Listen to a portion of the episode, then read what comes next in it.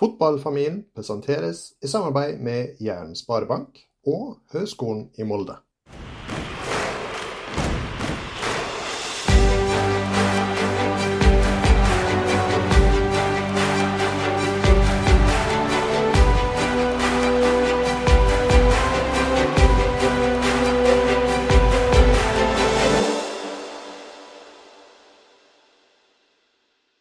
Velkommen til Fotballfamilien, en podkast for den som er glad i fotball. Mitt navn, som alltid, Anders Solfjell Gjerseth, og oppe i Molde i mørket sitter Sander Gjerseth. Som alltid meg. Som alltid Ja. meg.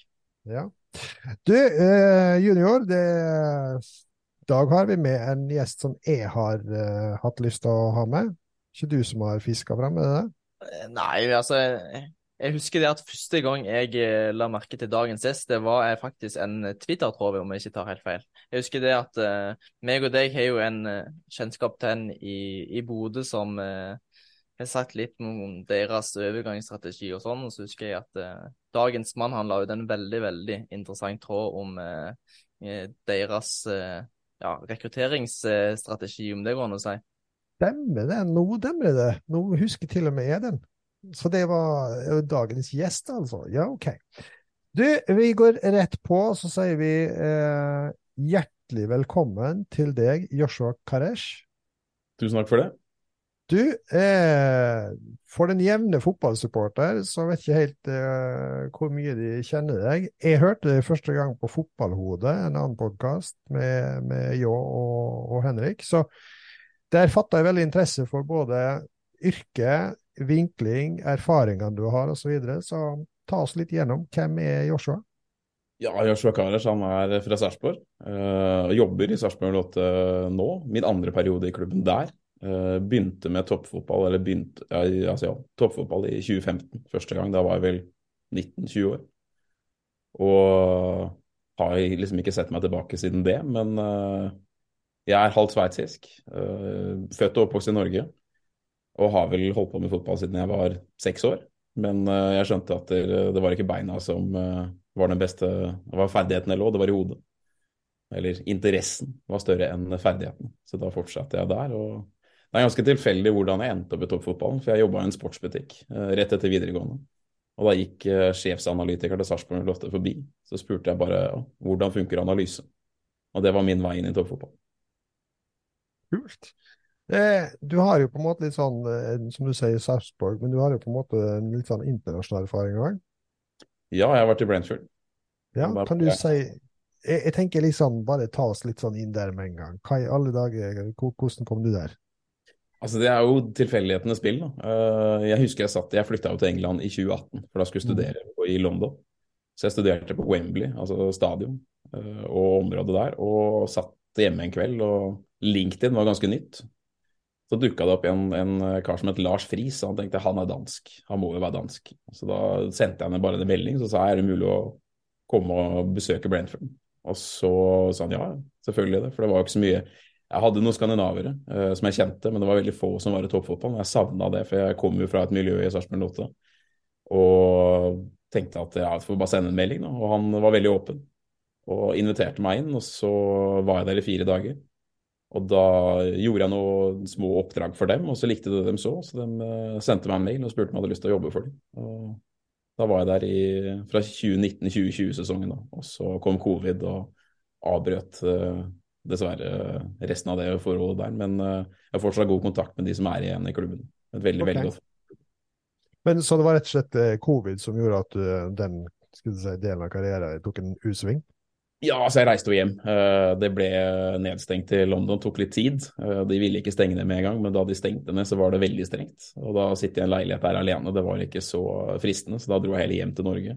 Det var litt mer fritt her og litt mer muligheter her, så da tok jeg, slutta jeg der vel rett Altså det var jo rett før playoffen. Eh, Jeg spilte playoff mot eh, Fulham. Eh, Tomme tribuner, dessverre. Tapte den playoff-finalen der. Og så eh, gjorde jeg litt forskjellig et halvt år, og så endte jeg opp i Strømsgodset etter det. Strømsgodset. Ok, men uh, vi skal komme tilbake igjen i tida i Brentford, da. Men uh, jeg tenker vi skal bevege oss inn på dagens uh, første spalte, som skal handle om eh, relasjoner. Spalten presenteres i samarbeid med Jæren Sparebank. Det er som vi sier det på Jæren, det er jabbene som drar.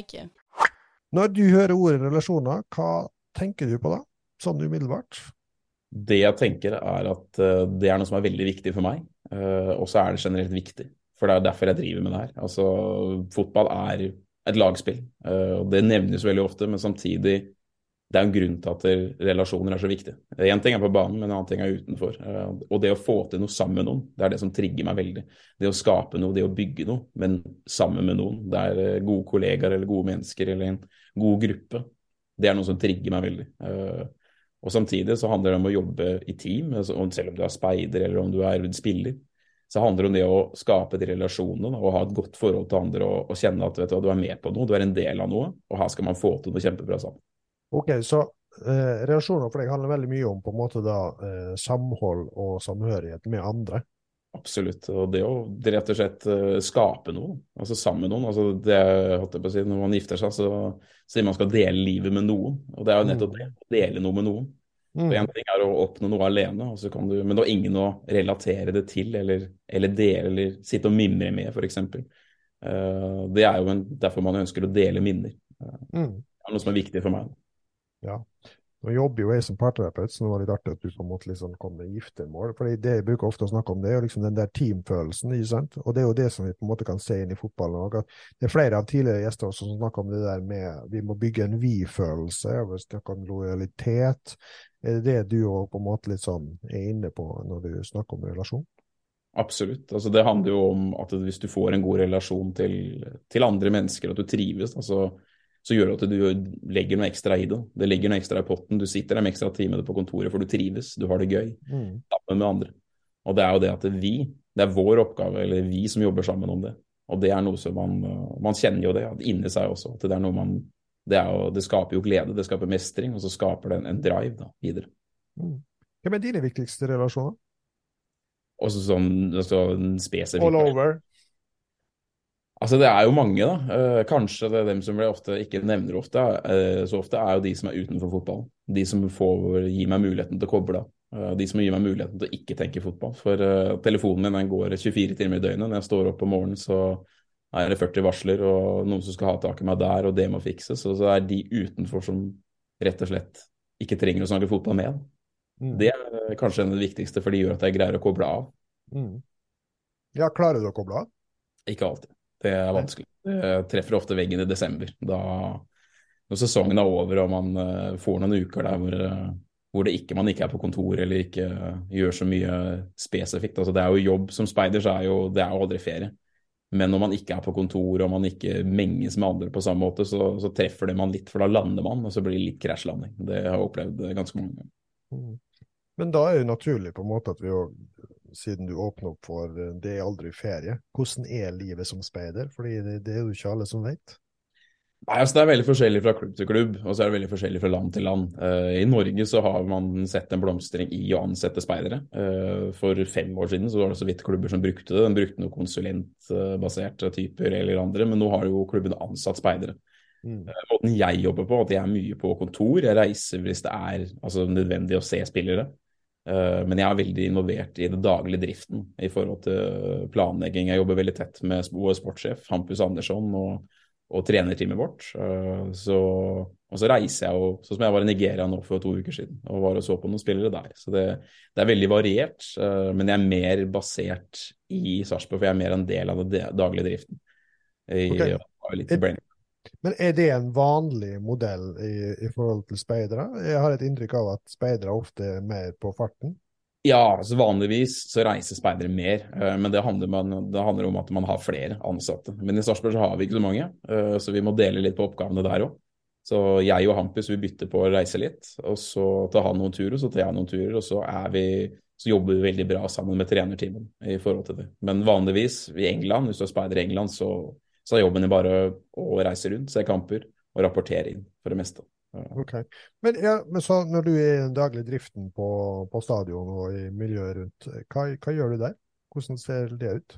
Det er alle mulige oppgaver. Altså. Da hjelper jeg til med alt mulig i forhold til både rekruttlag og kontrakter og strategi og planlegging, skyggelag, lage rapporter på spillere. Og så hvis det er spillere som jeg merker at der, som jeg følger veldig mye med på video eller andre måter, som jeg tenker at han her må jeg se, så drar jeg og ser det. Hvis det er nødvendig. Eller så har vi såpass god kontroll. Jeg reiser jo en del rundt lokalt. Da. Altså inn mot Oslo, Moss, Fredrikstad, Halden.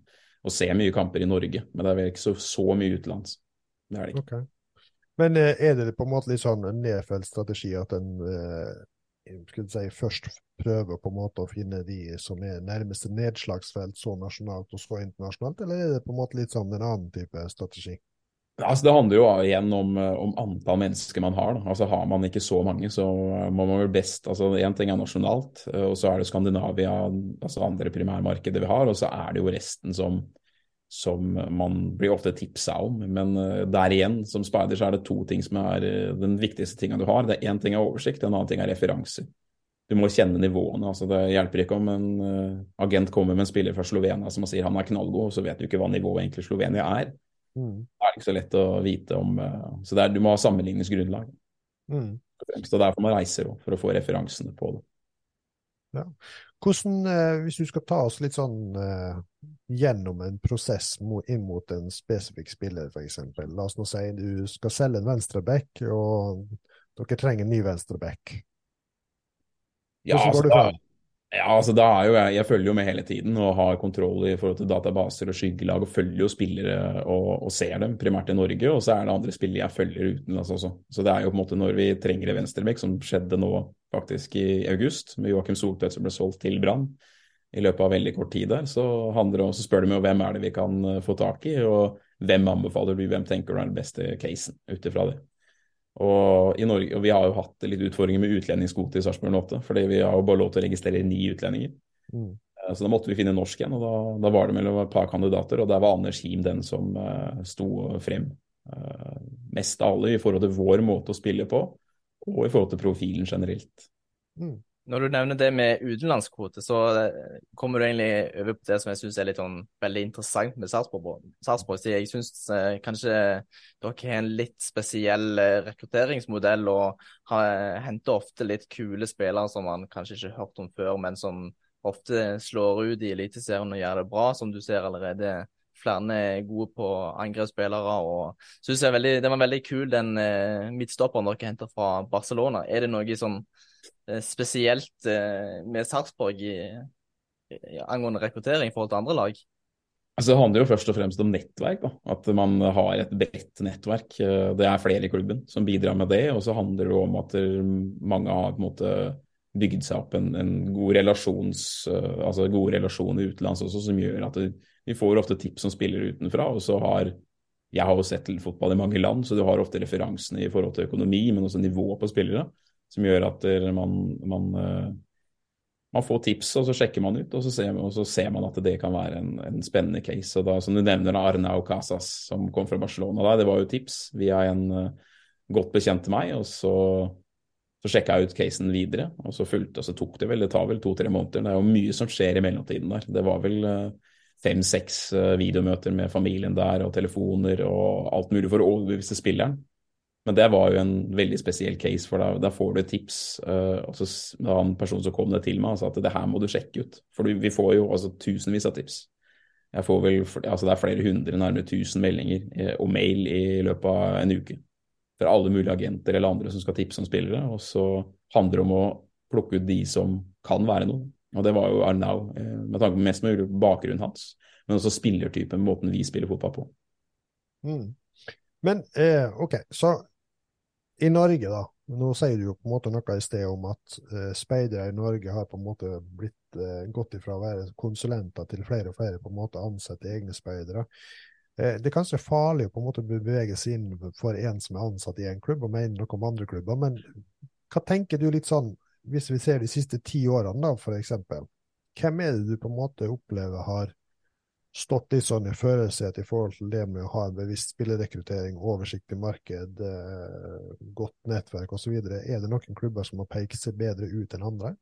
Molde, ingen tvil om det. Uh, og det er Jon Vik, uh, først og fremst. Og han er jo den som altså Han har jo jobba i Molde i mange år, og Manchester United og, og flere, og, og har jobba som speider. for Molde. De var jo måte Andre klubber har jo brukt speidere. altså Rosenborg har jo hatt flere som har vært innom. Men Jon Vik og Molde sin måte å rekruttere på, fordi de er bevisst på det fortsatt. De henter unge norske spillere. Ja, de har bedre økonomi enn de fleste, men de holder seg til strategien. Uh, og så har, de, så har, de, også råd til å hente stjernespillere, men du ser opp gjennom åra, se på den som bare blir solgt nå, da, Mannsverk og Brynildsen. Det er jo rett og slett for dem, det er bevisst strategien. Og det ser du på alle andre spillerne som de har henta opp gjennom. Martin Linnes første gang kom fra Kongsvinger. Da husker jeg snakka med Jon Vik, og det begynner vel fort å nærme seg ti år siden. Da han akkurat uh, et par år i forveien har henta Martin Linnes da, helt ut fra Kongsvinger. Og gjort han til uh, en kjempegod spiller i Eliteserien, landslagsspiller og utenlandsproff i mange, mange år. Så han var jo på en måte en, si det første ansiktet som var kjent uh, i forhold til å være en speider. Altså Molde har vært veldig dyktig på rekruttering ut ifra at de har en strategi og en bevisst måte å jobbe på. Men sånn nå siste tid så hører jeg jo stadig uh, sportsdirektører osv. hører seg at økonomien blir Altså å kjøpe norske spillere det er mye dyrere enn før. Er dette noe dere må ta stilling til? Absolutt. Det uh, norske markedet har blitt det er helt klin kokos, for å være helt ærlig. Og det har med rett og slett at det er mangel på spillere. Man har ikke spillere og spesielle posisjoner som stopper og spiss, så, så er det veldig begrensa med alternativer. Og derfor går prisene opp. og så har det blitt en slags altså en, en rundgang på det at når norske selgere, spiller, norske selgere blir, blir solgt til utlandet for veldig mye, så skal de underkreve mye mer òg, for da ser de en mulighet til CC-snittet til å tjene penger, de òg. Så da blir det en sånn ekstremt sånn inflasjon i markedet. Og det har jo skjedd, spesielt etter korona, føler jeg, at det har blitt en ekstrem inflasjon. Uh, at spillere koster mye, mye mer. altså De snakker tre ganger, fire ganger så mye som det vanligvis hadde, hva det er verdt, da, på en måte det er jo en spiral som du på en måte også ser internasjonalt, og det blir jo bare mer, mer galskap eh, dess lenger. En eller annen gang må jo det her gå gærent. Men, men jeg, jeg, opplever jo gjerne kanskje det at spesielt siste halvannet år har jo kanskje det akselerert veldig her i Norge, da. Eh, skal igjen være, liksom, skal ikke trakke noen på tærne, men, men jeg har jo en opplevelse av at når det har blitt den knivingen mellom Molde og Bodø-Glimt de siste årene, så har det på en måte vært en liten sånn driver fordi at eh, begge klubber har åpenbart en litt sånn tydelig strategi og ønsker å befeste posisjon. Men mm. det som jeg er jo enig med, er jo enig med er at det har vært en god strategi fra Moldes side, sånn uten at jeg har god kjennskap til det. Men så virker det som at begge klubber på en måte òg har veldig tydelige strategier, og kanskje på en måte har gått litt vekk ifra og kjøpt mer etablerte spillere òg. Det stemmer jo, og det ser du jo i forhold til uh, Molde spesielt i år, med, med Veton Berisha. De henter tilbake Fredrik Gulbrandsen.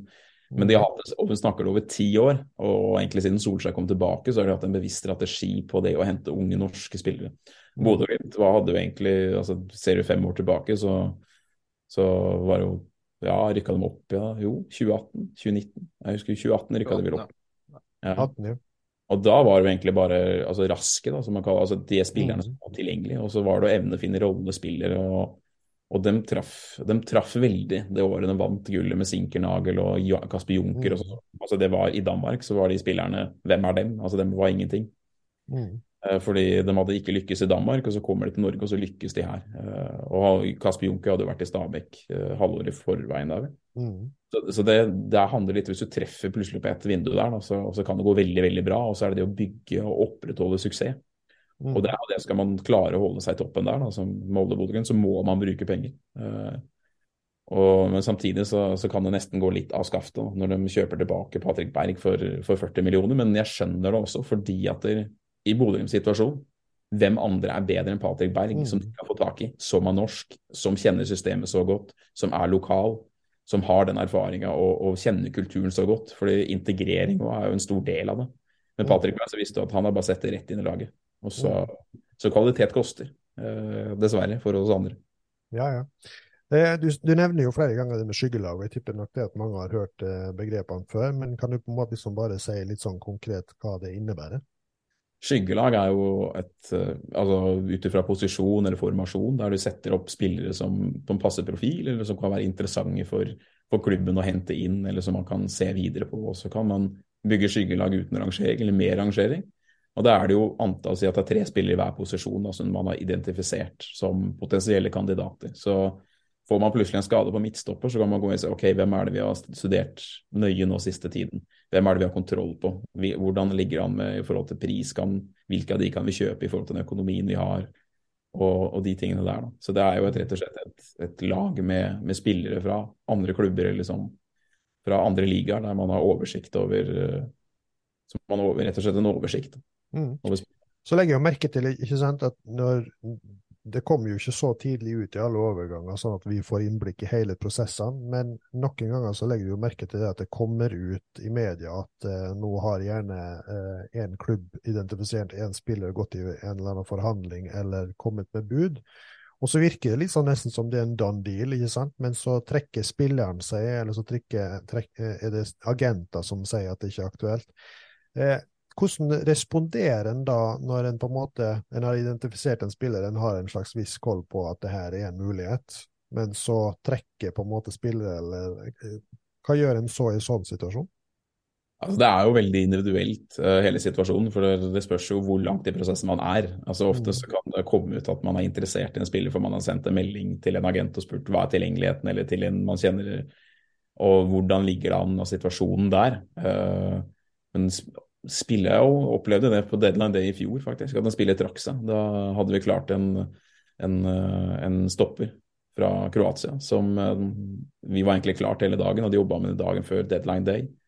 Uh, var egentlig klart, skulle sette seg på fly, og satte seg ikke på fly. Og nei, ja, drar til Honved isteden. Så han dro til Ungarn.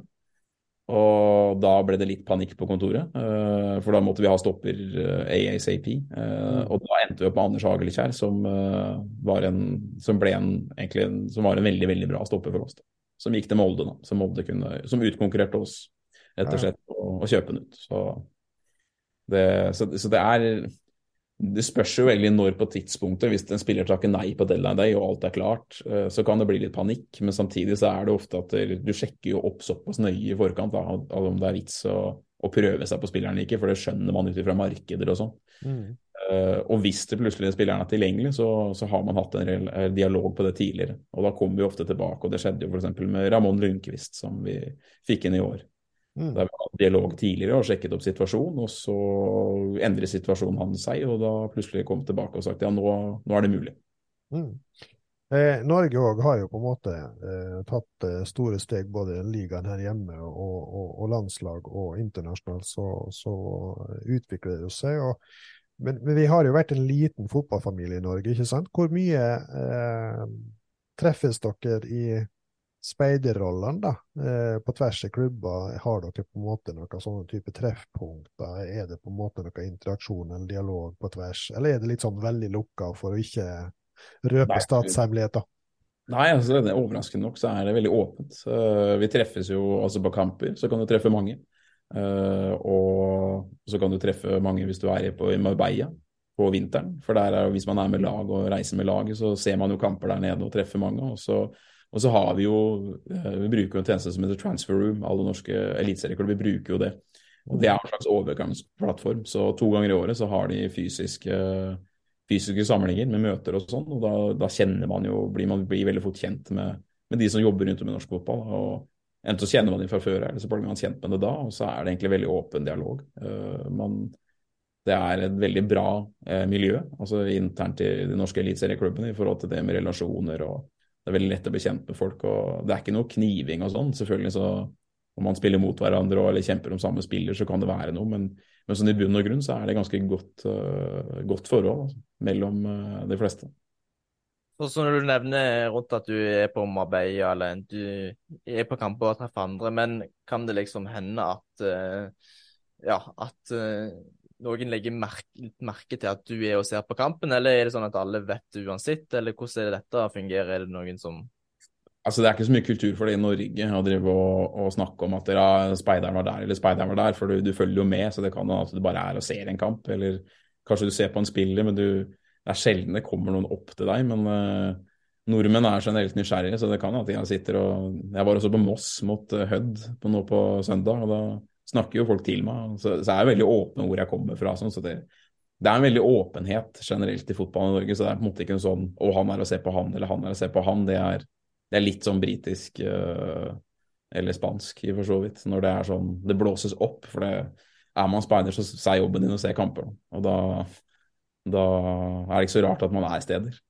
Det kan vel være et bra tegn òg, med tenke på å vise litt at du er til stede da, og for uh, miljøet rundt og, og sånn. Absolutt. Og, altså, er, så I Norge så er vi ikke sånn som vi, vi, skaper ikke så mye Det er liksom som du setter deg på bussen i Oslo, så er det ingen som prater til deg. Uh, og litt sånn er det når du er andre steder, og hvis det ikke er noe helt spesielt, da. Men, uh, så, så, man blander seg veldig ikke ofte inn i andres ting. Altså, det er veldig norskt, måten man gjør det på. Det var derfor vi løste covid så godt. vet du. Det var ingen som hadde problemer med at vi måtte ha avstand. Men eh, litt sånn, vi må jo på en måte berøre litt grann i forhold til det med forskjeller Norge og England. Du har jo vært litt inne på det, ikke sant? Men, men hvis du tenker da norske modellen i en litt sånn tidlig fase som vi fortsatt er i, kontra i, i England, som du sier. Hvordan jobber du i England kontra her? Altså Det var veldig forskjellig. for jeg hadde jo, Da jeg jobba i Brentford, så, så, var jeg veldig delt. For jeg jobba en del med analyse også, pga. at uh, han som var analytiker på A-laget, han forsvant til uh, Tottenham. Og Da måtte han på B-laget steppe inn der, og da måtte jeg bidra litt, for jeg hadde med bakgrunn fra analyse. Men primært så jobba jeg som speider for altså Norge og Sverige, uh, og der hadde jeg jo veldig god kontroll. Og så når jeg var hjemme på ferie og sånn, men da hadde jeg såpass god kontroll og så såpass mye Eliteserien at jeg, hvis det skulle være noen aktuelle spillere der, så hadde jeg såpass kontroll. og det var, det var ikke ofte de kom og spurte, men, eh, men, det kunne vært å spørre at da har du en sånn type eller en sånn type som, du, som er god nok. Da. Men det var veldig få norske spillere som, som passa inn i forhold til det man så etter i Brentford. Men uh, hverdagen besto egentlig av det er veldig mye ulike oppgaver. Uh, jeg skrev mye rapporter på lånespillere. Jeg lagde videoer på lånespillere som vi ønska å låne ut. Eh, det kunne være å se alle mulige spillere som var på lån, og skrive rapporter på de og gi tilbakemeldinger til eh, de andre. Men største forskjellen i England er nok at det er hierarkiet, på en måte. Du, du forholder deg til den over deg. Eh, du blander deg ikke inn med det over eller rundt om for mye. Det er ikke du som tar initiativ til å prate med de, på en måte. Det er, mer, er mer, litt mer reservert i forhold til at det er et hierarki, og det er veldig typisk engelsk, konservativt.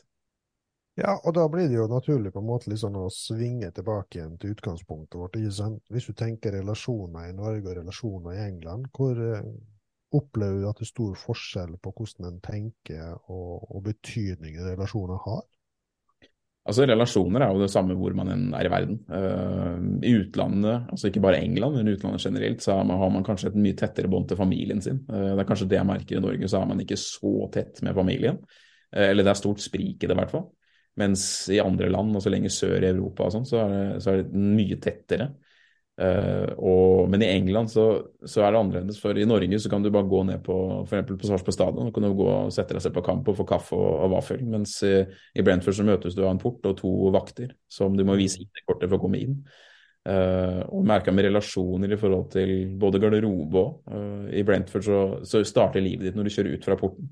Mens i Norge så bygger man var veldig opptatt av garderobekultur, at man skal ha god garderobe. og det skal være noen som, eh, som altså tar tak der, det skal være ledere der. Mens i England så er det mer at der, uh, du skal gjøre jobben klokka tre på lørdag. Uh, det er det som er jobben din. Og livet ditt utafor, det er det jeg har ansvar for. Og, og, det er jo litt annerledes i forhold til relasjoner. Uh, jeg fikk jo veldig god relasjon med de jeg jobbet med, men, men det er jo litt annet inn i en, på et kontor. så det er jo store forskjeller der òg. Ja, altså sånn eh, Her når jeg ser på de som er analyser og, og speidere her i Molde, så ser jeg det at de kan ofte ha et sånn type forhold til, til alle spillere på laget. Hvordan var det, liksom, eh, var det sånn at du hadde noe kontakt med trener eller, eller spillere eller noe sånt på Brentford når du var der? Altså, Jeg hadde veldig lite kontakt med spillere. Eh, det oppsøkte ikke de. Jeg kunne sitte og ha samtaler med dem hvis de spurte meg om ting. Men jeg var veldig reservert. Men jeg tror jeg ble veldig sånn Jeg ble veldig reservert, for jeg hadde veldig mye respekt uh, for de rundt meg. Jeg snakka jo med kollegaene mine sånn, så jeg jobba veldig tett med. De hadde jeg veldig god relasjon til. Men så, så Thomas Frank, eh, hovedtreneren altså manageren i, Brentford, han tok initiativ til å prate med meg først. Og da åpna det seg en litt dialog der. Men jeg hadde aldri gått bort til han og, og introdusert meg selv og vært helt uh, King Kong. Altså det, jeg var veldig sånn at jeg hadde veldig respekt for de som jobba der. Så hvis de åpna dialog til meg, så var jeg veldig åpen å prate tilbake. Men jeg gikk jo ikke rundt og og prata med Ollie Watkins eh, hver dag, eller Zaid Ben Rama eller de gutta der. Det var mer sånn du hilste på dem, og hvis de spurte om noe, så, så tok du ham, slo du av en prat, eller så var det mer altså, profesjonelt forhold. Altså, nå vet jeg ikke om du har sånn, spillere du har vært med og speida og vært med og bringt fram til Brentford, men er det sånn at det samme kan gjelde i Sarpsborg, men er det sånn eh, når du henter en spiller, er det sånn at du har noe i kontakt med dem når de kommer, eller underveis, eller noe sånt? Ja, altså spillerne som vi henter inn. altså jo, altså Vi har jo mye frivillighet til Sarpsborg. og Blant annet eh, så må jeg stille opp noen ganger og hente på Gardermoen nå. Så det kan være at jeg henter spillere som vi har signert på Gardermoen, eller prøvespillere vi har inne. og Da sitter du i bilen og ja, halvannen time tilbake til Sarpsborg og prater med dem og blir kjent med dem. og Eller så kan det være at de bor på hotell, og så er det jeg som må hente og kjøre de på stadion på morgenen. så det er litt annet, eller helt andre vilkår, helt andre rammer her. ikke sant? Uh, I Brentford så er det at det er jobben din. Mens i Norge så har du mange flere hatter å, å ta på deg. Du må, og det gjør jo på en måte at miljøet blir litt annerledes òg. Uh, det blir mer at man får en helt annen relasjon til spillerne. Sånn som i Sarpsborg så har jeg veldig god relasjon til alle spillerne. Prater med alle sammen. Men så Brentford så var det annerledes. Uh, og det er jo litt med i forhold til hvordan uh, kulturen er da, i Norge og, og England. Da, fordi du, du pekte på, som jeg også har noe om som har vært et gjennomgående tema, det er denne vi-følelsen, ikke sant. Opplever du da at det er lettere, eller kanskje vi skal si annerledes, å skape en vi-følelse og et liksom opplevelse av at vi har et felles prosjekt i Norge enn i England, f.eks.? Ja, i Norge så er det, det er lettere å, i hvert fall skape det, på en måte. Uh, samtidig som uh, For at i England så, så, er det litt sånn jeg forklarer eng engelsk fotball, så er det at du bygger i Norge, så setter du Si at det er 4-3-3, og så kan du si jeg skal ha en sånn type der, jeg skal ha en sånn type der. Mens i England så ser man hva er det jeg har, og så setter du formasjon etter det uh, på spillere. Og det er litt sånn med, med kulturen at det er litt mer individuelt, in, ja, individuelt, rett og slett. Uh, det, jeg har jobba på skole i England nå, og det handler jo veldig mye om Det snakker veldig sjelden om vi i et klasserom der. Uh, det snakker mm. om altså, hva skal du gjøre. og det har jo med antall mennesker å gjøre òg, for det bor 60 millioner i England. det bor 5 millioner i Norge, og det gjør at kulturen er litt annerledes og konkurransen er litt mm. mindre. Så det gjør jo På en måte så følte jeg jo vi i Brentford, men det handla jo veldig mye om dem som jobba der, som var veldig velkomne og veldig fine og fantastisk klubb, og den fikk meg til å føle meg veldig velkommen. Og sa det at nei, nei, du er en del av det her. Du er en del av det, og veldig på å påpeke det. Mens i Norge så tror jeg det faller mer naturlig at når du er på innsiden, og når du jobber for en bedrift eller for et lag eller for en forening, så, så får du det veldig med en gang. Fordi at du har på deg likt høy eller de tingene der. Men handler ikke det litt om kultur òg, altså hvilken kultur du skaper? ikke sant? Du vil jo selvfølgelig ha noen litt sånne type nasjonale eh, karaktertrekk, om vi skal kalle det det, men, men samtidig så, så, er det vel litt eh, Det er jo dårlig ledelse og god ledelse, og dårlig kultur og god kultur. Ja, altså det er jo, det er jo kulturforskjeller, da. Uh, og så er det jo positive og negative ting med, med alle kulturer. Uh, I England så kan det bli veldig ensomt. Uh, det kan, det merka jeg da jeg bodde der. Jeg bodde der jo nesten tre år. At det mm. kan, at engelskmenn er veldig annerledes. De kan være veldig på en måte rett og slett falske. Uh, for de skal ha noe hele tiden. Du merker at de, de gjør noe, de blir kjent med deg for de skal ha noe. Mens i mm. Norge så er det kanskje mer sånn at de er genuint interessert i å bli kjent med deg for å finne ut hvem du er. og det er jo kynismen. Og det, det, er jo en mye større del av kulturen i, i et samfunn som det britiske. da. At det, det er mye større grad av kynisme fordi at det er mye mer kamp om plasser, om jobber, om alt sammen. Mm. Flott. Eh, vi skal bevege oss over på neste spalte, som skal handle litt om læring og utvikling. Spalten presenteres i samarbeid med Høgskolen i Molde. Når det kommer til f.eks. utvikling, da. Nå er jo du en del av de som på en måte skal hente spillere utenfra. Eh, men hvordan jobber Sarpsborg, og hvor involvert er du i forhold til liksom, eh, strategi for utvikling i, altså både i og rundt klubb? Både på spillesida og klubbsida? Altså jeg jobber jo, og jeg er også veldig involvert i, i utviklingsavdelingen som vi har i Sarpsborg, og det er jo en del av, del av det. Og det er jo en og der igjen så, så, handler det om å finne sin uh, måte å gjøre det på. Uh, man, man, må finne identiteten sin og, og, og, og bygge opp spillere ut ifra hva er det som er kjennetegnet i Sarpsborg, være en Sarpsborg-spiller. Uh, og det å ikke bare få fram gode spillere, men også utvikle gode mennesker. Mm. Og det er jeg veldig opptatt av, at spillere vi har inne. så Det er veldig få som blir eliteseriespillere, men det er veldig mange som blir gode mennesker. Mm. Og har gode verdier og har gode holdninger og hjelper andre. Og det er også en viktig del av det utviklingsarbeidet. Mm.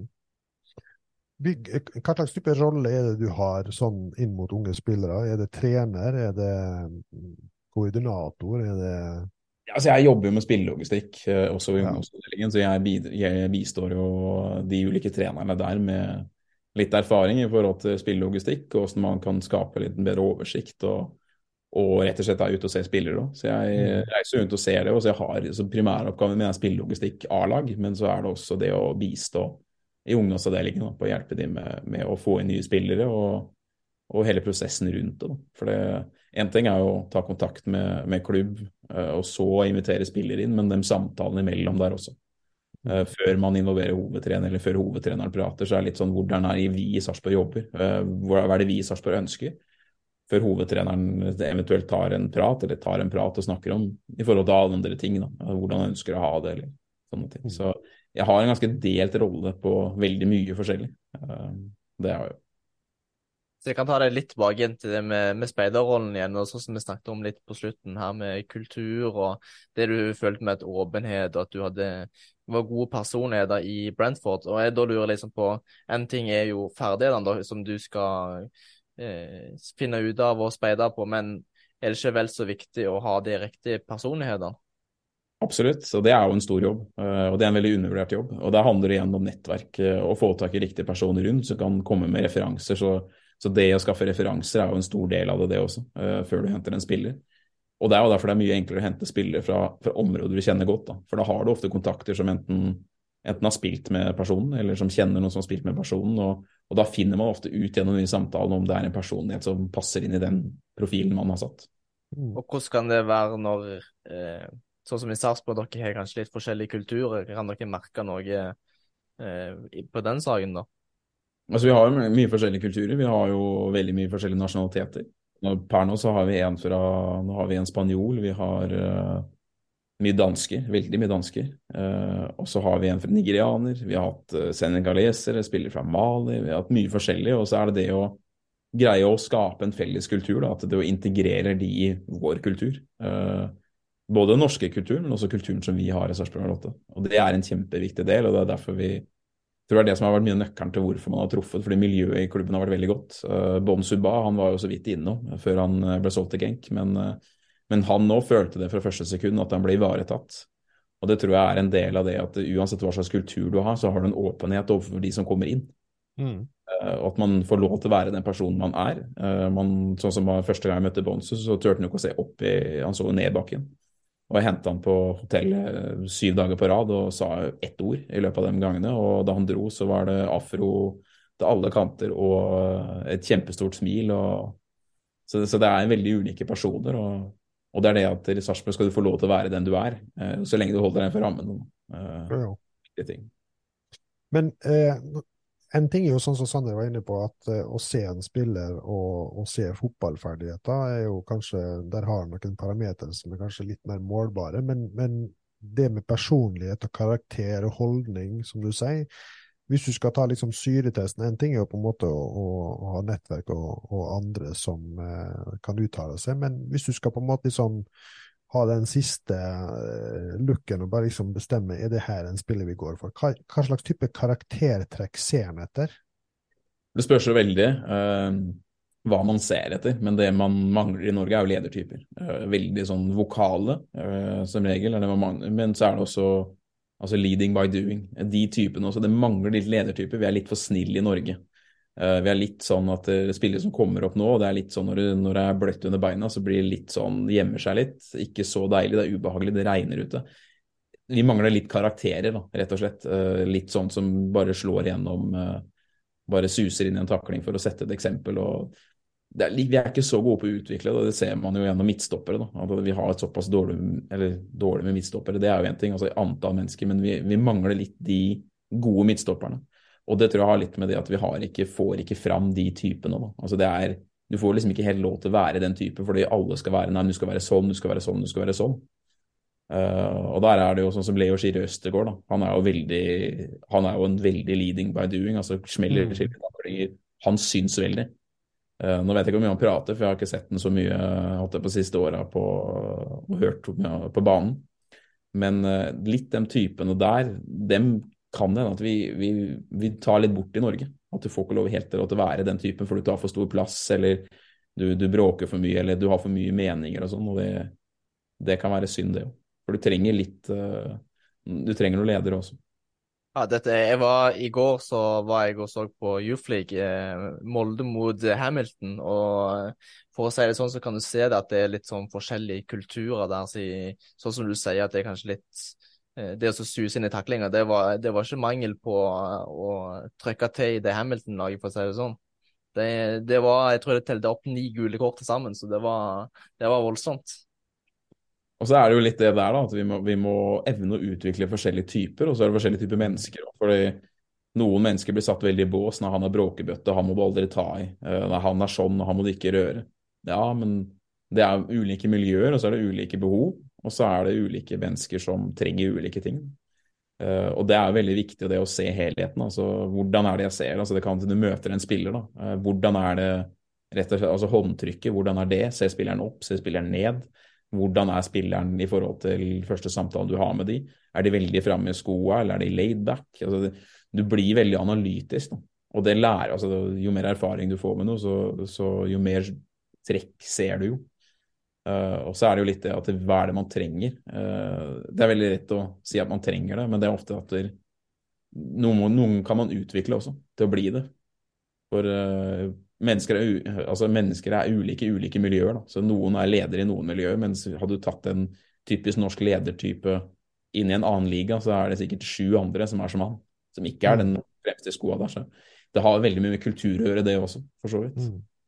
Men gjenspeiler ikke det her i fotballen egentlig samfunnet som helhet, i forhold til at uh, vi har på en måte det, det, er fantastisk mye de nye, altså generasjonene i Sanders sin, eh, sin aldersgruppe og, og, nedover, de kommer med veldig mange egenskaper som vi ikke hadde i forhold til å kunne by på seg sjøl. De er mye tøffere ute på en måte å eksponere seg. De er mye mer lettere å ta ord i forsamlinger mange enn en, en det vi hadde. Men de har mista noe av det der eh, Jeg skal ikke si alle, da, men iallfall mange har mista litt av det der med å eh, stå i motgang, vokse på utfordringer, eh, ikke gi seg. Jeg syns det var veldig spennende å høre på Håkon Grøtland som sa det der med Han leste opp at eh, hvis det var én spiller ved siden av det som på en måte hadde blitt markert mye bedre de siste fire-fem årene, mens dere var jevngode som 15-åringer, så har han sannsynligvis mislykkes 100 000 ganger mer enn det du har.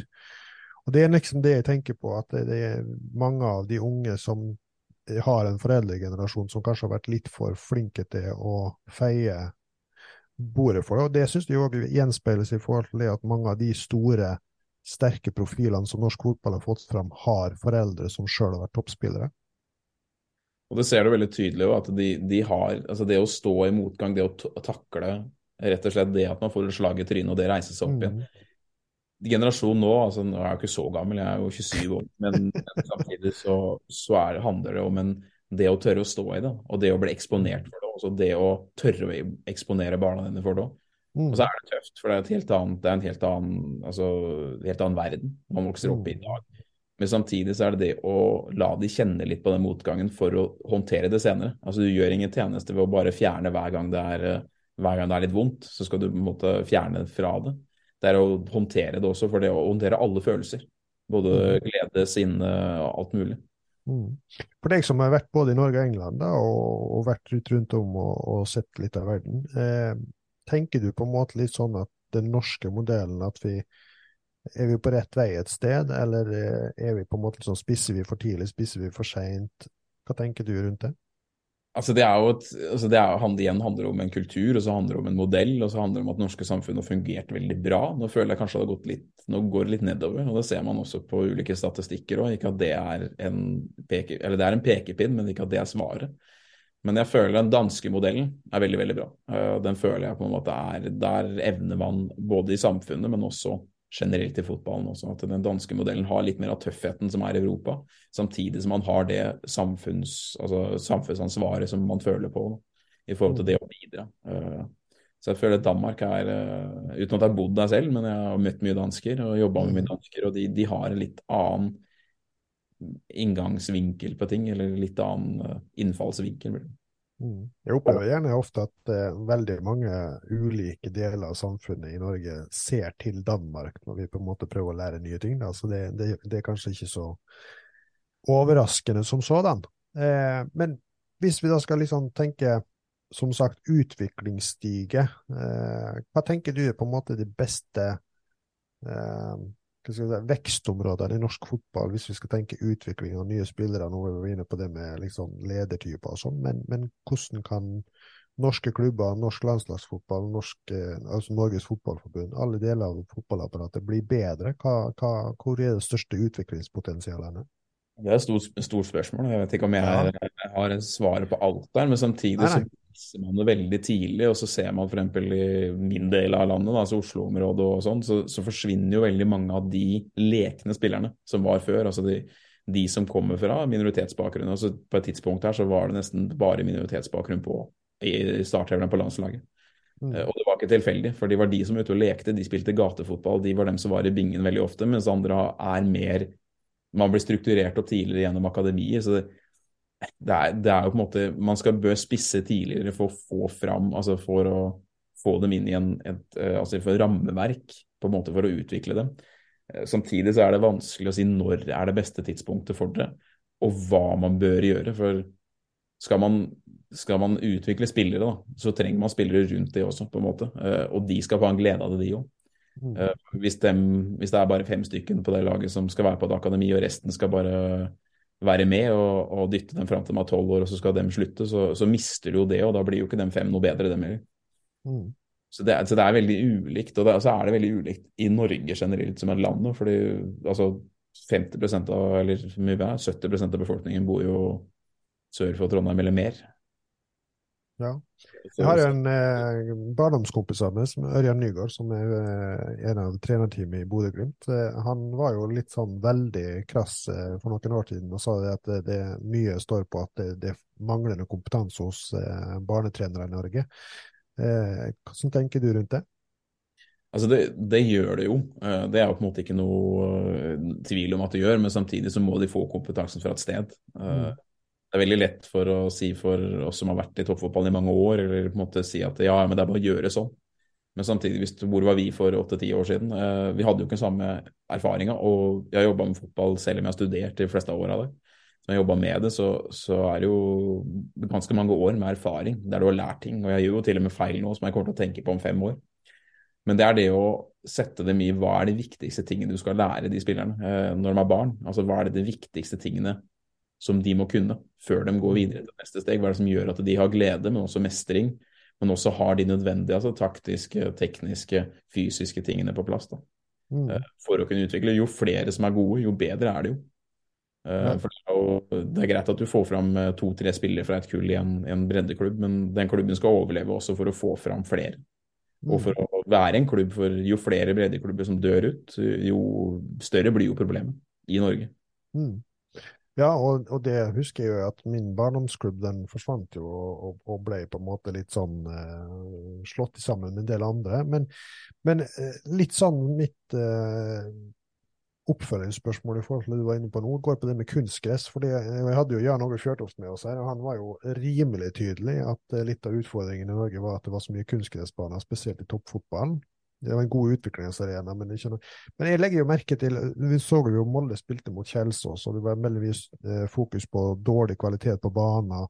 Eh, og jeg ser jo på en måte det at det er mye skadefrekvens. Eh, tenker du på en måte litt sånn det med kunstgress er noe vi ikke kommer utenom, eller eh, tenker du at det er noe som blir et eh, si at vi detter litt bakpå i forhold til internasjonale eh, klubber i forhold til det at vi må bruke kunstgress? Altså, det Kunstgressproblematikken altså De fleste yngre spillere rundt om i hele Europa og verden spiller jo på kunstgress. Men det er på toppnivå utfordringen er. Uh, og den utfordringen er det i Norge pga. det klimaet som er her. Men samtidig så handler det om økonomi. Altså Skal man bygge en gressbane, da, så må du ha et sted å trene. Da må du også kanskje ha en treningsbane som er gress, og så må du ha kunstgress i forhold til ungdomsavdelingen du har der og sånn. Og da, da snakker du millioner som ikke i forhold til tomter du må bygge ut, og svære mm. treningsanlegg. Så Det er på en måte mer et politisk, økonomisk og altså sånn et spørsmål som, som, er, om, som, er veldig stort. Da. For det er ikke mm. bare å legge gress på Sarpsborg stadion. Fordi da skal du ha en treningsbane som skal bli fulgt opp. Eh, de fleste anlegg i Norge er drevet kommunalt. Skal klubbene ta over det, så snakker du utgifter på 20-25 millioner, i hvert fall i året. Mm. I forhold til vaktmestertjenester, i forhold til å følge opp på de tingene der. Så, så, så, så man er Det er lett å si det, og så er det er veldig vanskelig å gjennomføre den. Fordi det er såpass stort. altså Du kan ikke bare flytte en kunstgressbane, nå setter vi den der. Nei, det er en tomt der. Der er det noe annet. Mm. Men samtidig, det beste hadde vært å fått gress i toppdivisjon. Men du ser jo altså til og med fram til i ja, var det et par år siden, så, så, var det klubber i Nederland som spilte på kunstgress. Og så endra vel den regelen for ett eller to år siden, at det var ikke lov, du måtte ha gress på banen din. Mm. Men det er jo klubber i Danmark også som spiller på kunstgress. Silkeborg har gjort det veldig veldig bra de siste årene. De spiller på kunstgress i Danmark. I Brentford, når du var i Brentford, eh, hvor mye la du noe vekt på det at eh, andre klubber kanskje spilte på kunstgress, hvis dere så på noen spillere som eh, hadde, var en klubb som spilte på kunstgress? Altså, jeg har aldri tenkt på det, men det er jo masse kunstgress i London. Altså, det er jo meste, altså, Hvis du ser rundt om i London, så kan du tenke at de fleste spiller jo i parken, men de gjør jo ikke det. Det er kunstgressbanen. Det er overalt. Det, men toppklubbene gjør jo ikke det. Uh, også sånn I forhold til kunstgress det er et helt annet spill, for det går mye raskere. Uh, de norske spillere er jo altså Det midtbanespillere har fått fram, spesielt Hugo Vetlesen, og på kunstgress er det jo han, bare flyr, han flyr jo rundt oppe der i forhold til touch, i forhold til driv, i forhold til alt. Og så er det litt annet, annet på gressbaner, men nå har gressbanene blitt så bra i de europeiske ligaene at det er, det er, hybrid. Så det er jo på en måte såpass bra kvalitet på det at det, det ligner mer og mer kunstgress. Det er jo kunstgress i gresset, det er bare at det er mer gress. Men sånn i ho, altså jeg har ikke tenkt så mye på det, men jeg tenker jo på det hvis det skulle vært Jeg skulle henta en spiller til et gresslag på den måten, men det var veldig sjeldent, eller det var veldig få spillere som kunne vært noe i forhold til Norge, Norge og Sverige. Da. Men det tenkte jeg ikke noe på, eh, særlig da. Det var mer kvaliteten til spilleren og i forhold til Altså Hvis du flytter deg på, raskt på kunstgress, så greier du det på gresset på en måte. Men det, jo, det kan være i forhold til belastning og andre ting også, som man ikke tenker så mye over der og da, men som man kan tenke på i ettertid. Jeg tror vi skal begynne å uh, gå inn for en slik sånn avrunding. Vi prøver alltid å holde oss litt innenfor i en times tid. Eh, nå har ikke gjøkuret bak deg eh, ko-ko enda, men eh, jeg ser klokka i hvert fall begynner å runde timen. Eh, har du noen uh, kloke spørsmål avslutningsvis, junior? Ja, jeg har egentlig det. Jeg lurer ja. litt på Hvis du skal se tilbake gjennom din erfaring opp som speider her året, hva er det beste du har speida fram og, og, fått til klubben din? Beste jeg har speida fram? Altså, det er jo du, Som du kanskje er mest fornøyd med, eller Den der jokeren, den der Erling Braut Haaland som du fant. Altså Det er jo et veldig interessant tema. Eh, for jeg mener jo at speidere sjelden oppdager spillere. Jeg oppdaget ikke Arnau Casas. Det er ikke jeg som fant han på en kunstgressbane i Spania. Altså, Det er 100 000, kanskje millioner mennesker som har sett han før meg. Han spilte i La Mas, altså han var i Barcelona sitt uh, juniorlag, kaptein der. Men det er å identifisere spillere, og identifisere at spilleren passer inn i en kategori i forhold til at det, den spilleren her kommer til å passe kjempebra inn i oss pga. det, det, det. Og det har jo i forhold til profil, i forhold til klubb, i forhold til økonomi, i forhold til helheten. da. Så jeg er mye mer opptatt av ordet identifisere spillere til klubben. For det kan være at du finner en på 28 år da, som er fantastisk og det du trenger. Uh, og det er litt artig historie for han en assistenttrener vår, vår i Sarpsborg Lotte. Han uh, har jobba mange år i IFK Göteborg og i Hekken. Uh, og de skulle ha midtstopper og dro til Finn for å se på en unggutt. Og så kom de hjem med en 32-åring til Hekken. De sa at han må bare hente han. Må bare hente han. Ja, men han er jo gammel. Ja, men hva skal vi? Vi skal rykke opp fra Superettan. Det er det som er målet vårt. Og de henta en han, han var der i flere år, ble kaptein, og de rykka opp til Allsvenskan igjen. Og det er litt å identifisere hvilken type er det trenger, hva er det du egentlig trenger. Uh, nå sporer jeg litt av der, men beste spilleren jeg har fått altså det har jo Du ser jo mye spillere, men jeg kan ta en uh, Det var faktisk i forhold til Sarpsborg tilbake i 2015-2016. Det var en tur i Göteborg og så Guys mot Jonkjøping Södra i Superettan i Sverige. Og så er det en liten, kjempeliten uh, spiller som er ekstremt kvikk, venstrebeint, veldig bra teknisk, styrespillet, helt enorm. Så, så, finner jeg ikke noe, finner ikke noe navn på kampprogram, finner ikke noe navn på hjemmeside. Må gå rundt på gamle Ullevi og spørre hvem er han der. Og den spilleren var Lute Singh. Uh, og da husker jeg at jeg ringte tilbake til Sarpsborg, så han hadde bare hentet. Han hadde bare hentet med en gang. Og han hadde kommet fra et sørafrikansk akademi tre uker før eller noe sånt. Helt enorm.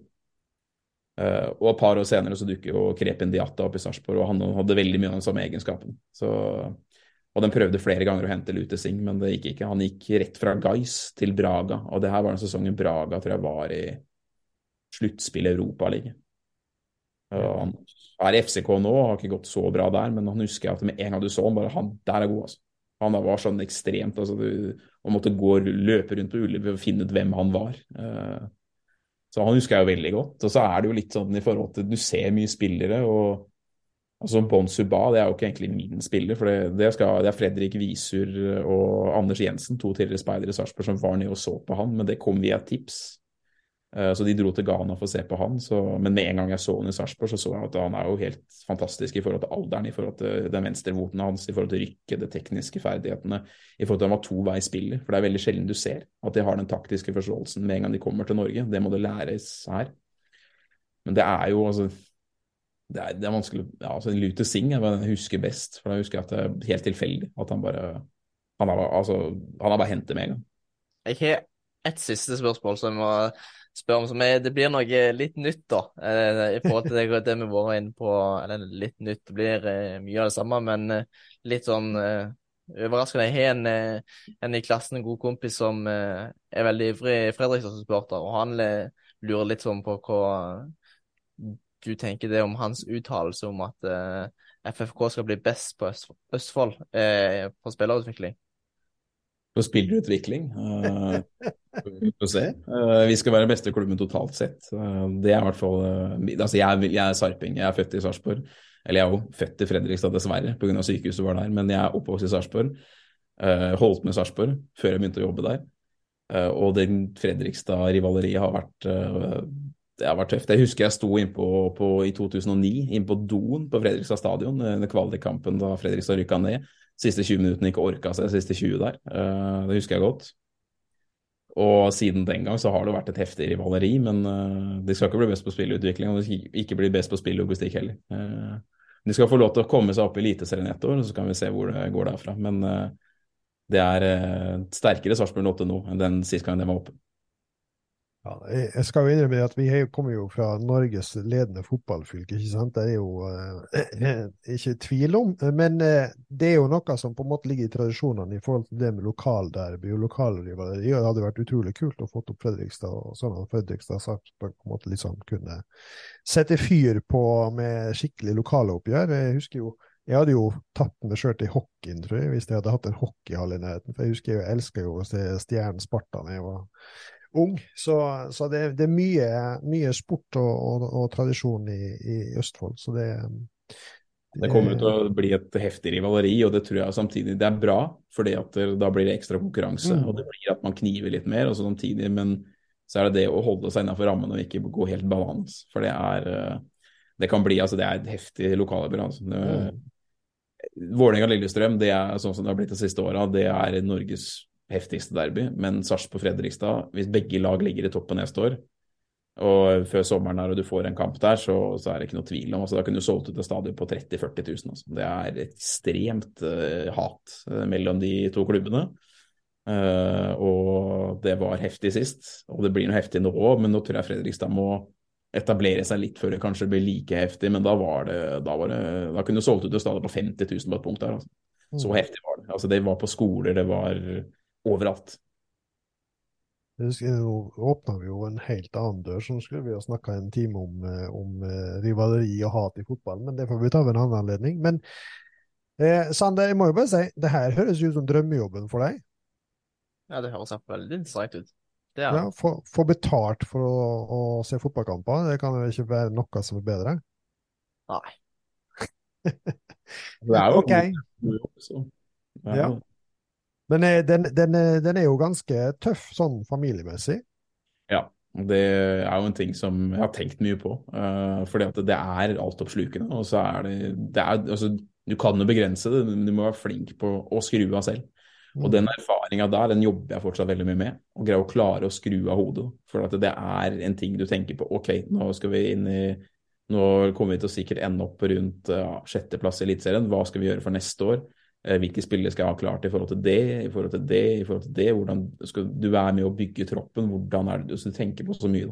Mm. Og, og det er en altoppslukende veldig. da, så du blir, Når du kommer til desember, som jeg nevnte tidligere, så er du veldig tom. Fordi Mm. da har du jobba og jobba og jobba og stått i det. Så når du først setter deg ned da, og de slukker lyset, så, så kommer alt inn på deg. Mm. Så det er en tøff, eh, tøff situasjon for familie og barn og sånn. Ja, det er ikke for pysa. Ja, men det er bra. Da tror jeg vi skal begynne å runde litt ned, så jeg ikke får kjeft av eh, sjefen for at vi går langt over skjema. Eh, tusen hjertelig takk, Joshua, for at du var med oss eh, en eh, onsdagskveld. Eh, setter vi utrolig pris på. Jeg syns det har vært utrolig gøy å høre på alle de erfaringene du sitter på, og, og hvordan du tenker rundt både relasjoner og utvikling. Så tusen takk til deg. Takk til, tusen takk for at jeg fikk være med. Det Ja. Eh, hvordan har det vært å være med? Veldig fint. Det har vært interessant. Eh, Ja. Jeg lærer noe nytt hver gang, ja. Det har ikke vært så mye på podkast. Det er jo andre podkaster jeg er med på, så Ja. det er fint å få den erfaringa også. Supert. Noen eh, siste utvalgte ord, eh, sjef? Det blir å følge følge på sosiale medier og, og sånne greier. Så da får man med seg når vi legger ut nye episoder og hele pakka. Hele pakken. Supert.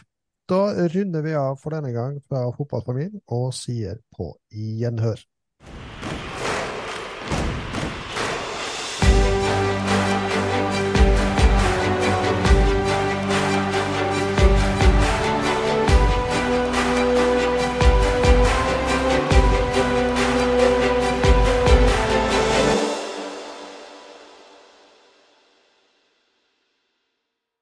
Fotballfamilien ble presentert i samarbeid med Jæren Sparebank og Høgskolen i Molde.